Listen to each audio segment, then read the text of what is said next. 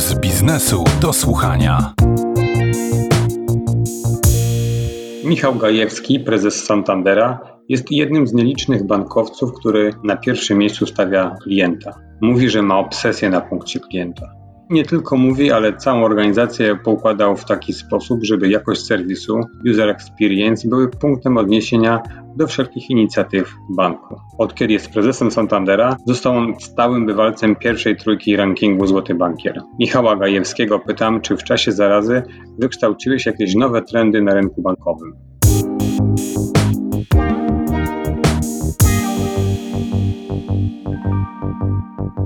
W mojej opinii koronawirus, ta pandemia tylko przyspieszyła to, co i tak było nieuchronne w perspektywie kilku najbliższych lat w bankowości, czyli przenoszenie się klientów do kanałów zdalnych. Niewątpliwie to było bardzo, bardzo istotne przyspieszenie i nawet ci, którzy przed pandemią byli sceptykami, generacje trochę starsze, które jednak przede wszystkim używały kanału oddziałowego, poprzez również edukację, ale, ale również poprzez to, że po prostu nie było innego wyjścia, zaprzyjaźniły się, można powiedzieć, z rozwiązaniami albo online'owymi, albo aplikacją mobilną. No właśnie, panie prezesie, bo dużo mówi się o wykluczeniu cyfrowym, mm, głównie w kontekście starszych roczników.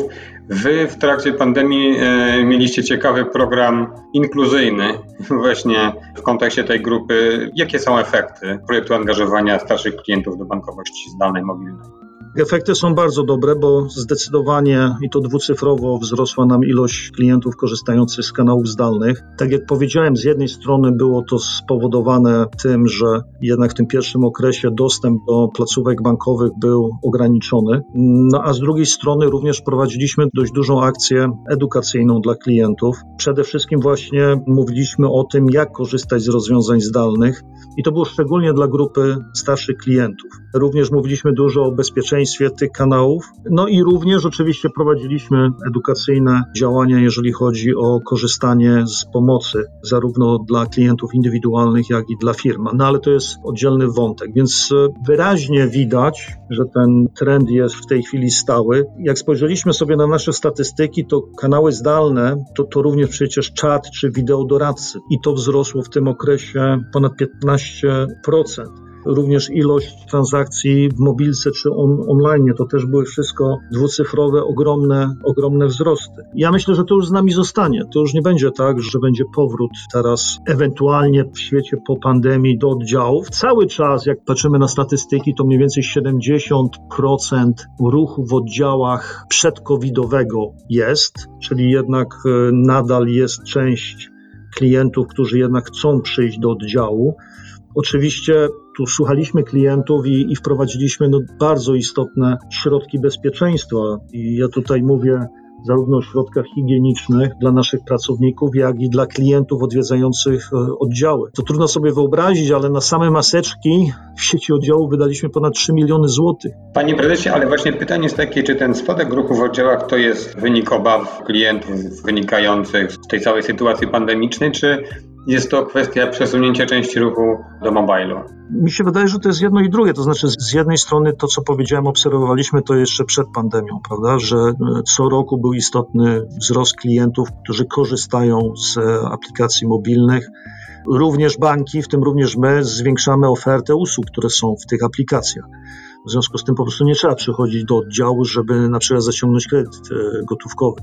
Więc to widzieliśmy. Natomiast widzieliśmy cały czas, że jednak to pokolenie trochę starsze wybiera oddziały, tak? I, I, jednak chce przychodzić do oddziału i woli kontakt bezpośrednio fizyczny z osobą i docenia wartość, którą wnosi doradca. Niewątpliwie to, że trochę zostały ograniczone godziny dostępu, to, że jednak też jest praca w tym reżimie higienicznym dotyczącej ilości klientów w placówce i wszystkie rzeczy związane z właśnie obawami dotyczącymi zarażenia, no to spowodowało w sposób naturalny, że nawet ci, którzy sceptyczni byli co do rozwiązań online'owych czy mobilnych, zaczęli wybierać je, a jak już raz spróbowali i się okazało, że sprawnie wszystko przebiega i są w stanie to opanować, jest to intuicyjne i z punktu widzenia doświadczenia klienta tak naprawdę bardzo, bardzo wygodne i dające dużą satysfakcję, no to już z tym zostali. Ale panie prezesie, jeszcze przed pandemią mówiło się o omnichannelu, dostępie do banku we wszystkich kanałach, które trzeba było inwestować. Koronakryzys przyspieszył ruch w kanałach zdalnych, ale nadal sieć trzeba będzie posiadać, czy będzie ją obsługiwać. Moje pytanie jest takie, no, z jednej strony, że będzie wydawać więcej na kanały zdalne, bo ich rola będzie rosła, z drugiej strony, że będzie wydawać pieniądze na utrzymanie oddziałów, a w tej sytuacji, a w tym świecie postpandemicznym przychody banków no, nie będą takie, przynajmniej w tym krótkim okresie, jakie były przed pandemią, więc to nie jest jakaś specjalnie ciekawa perspektywa dla sektora. Niewątpliwie tak było dotychczas też, że, że trzeba było dokonywać inwestycji w jednym i drugim kanale i dostosowywać się do potrzeb klienta. Przy wyższej marży jednak, prawda? Odsetkowej. No tak, ale, ale nawet przed pandemią było przecież tak, że ilość oddziałów się zmniejszała, więc ten ruch klientowski przedpandemicznym w oddziałach też, jak porównujemy dynamiki rok do roku, to po prostu spadał. Tak jak powiedziałem, koronawirus i pandemia jedynie przyspieszyły to, co było tak czy inaczej nieuniknione. Można powiedzieć, że należy inwestować w nowe formy, w nowy layout oddziałów, w lepsze dostosowanie do potrzeb typu to, co my robimy z Work Cafe, czyli jakąś zupełnie nową koncepcję ilości oddziałów, no to ten trend był spadający. Czy jakoś znacząco przyspieszy właśnie po pandemii? Moim zdaniem tak. Moim zdaniem tak. To znaczy, ja cały czas wierzę i uważam, że oddziały są potrzebne i one będą potrzebne, i będzie część klientów, w tym również młodych klientów, którzy jednak będą chcieli mieć oddział i raz na jakiś czas w tym oddziale się znaleźć, i wartość, którą tam będzie dostarczana, będzie duża, no ale będzie widoczna gołym okiem coraz bardziej jednak, że, że bank is a app aplikacja jest bankiem, a, a dla tych, którzy będą cały czas chcieli mieć dostęp do i kontakt z człowiekiem, no to tutaj też widzimy, że właśnie, nie wiem, doradca wideo doradca, czyli doradca zdalny, czy kontakt przez telefon. Tutaj też, tak jak powiedziałem, były istotne wzrosty, jeżeli chodzi o, o kontakty zdalne. Także ja bym tutaj nie mówił, że oddziały znikną. Ja, ja uważam, że oddziały nie znikną. Oddziały będą, ich formuła będzie inna i będzie ich mniej, ale nie, że znikną zupełnie.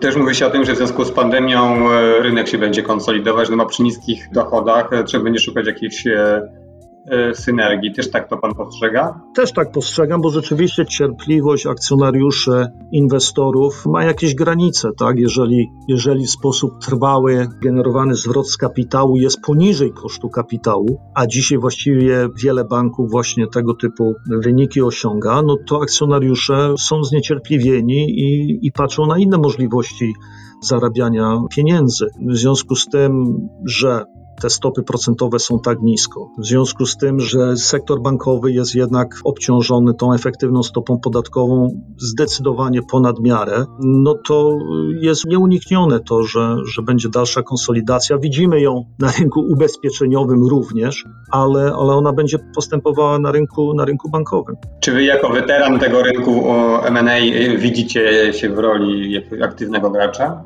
Dzisiaj przede wszystkim, e, to będę powtarzał, o tym mówiłem przed pandemią, dzisiaj koncentrujemy się jednak na wzroście organicznym. Nasza skala działania, nasze udziały w rynku około 12%.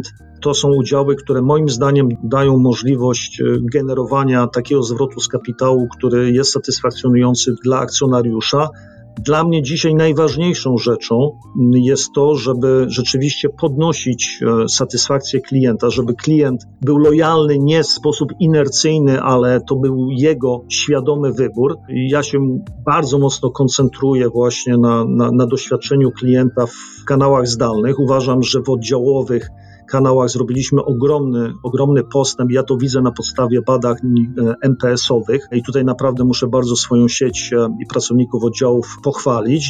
Teraz mamy duży program inwestycyjny właśnie dotyczący kanałów zdalnych. Ta pandemia nam również uświadomiła i pokazała, że tam wymagania klientów e, są coraz większe, one rosną, te potrzeby się zmieniają, więc ja wolę tam inwestować, wolę inwestować w bankowość e, właśnie cyfrową, niż kupować nowe banki.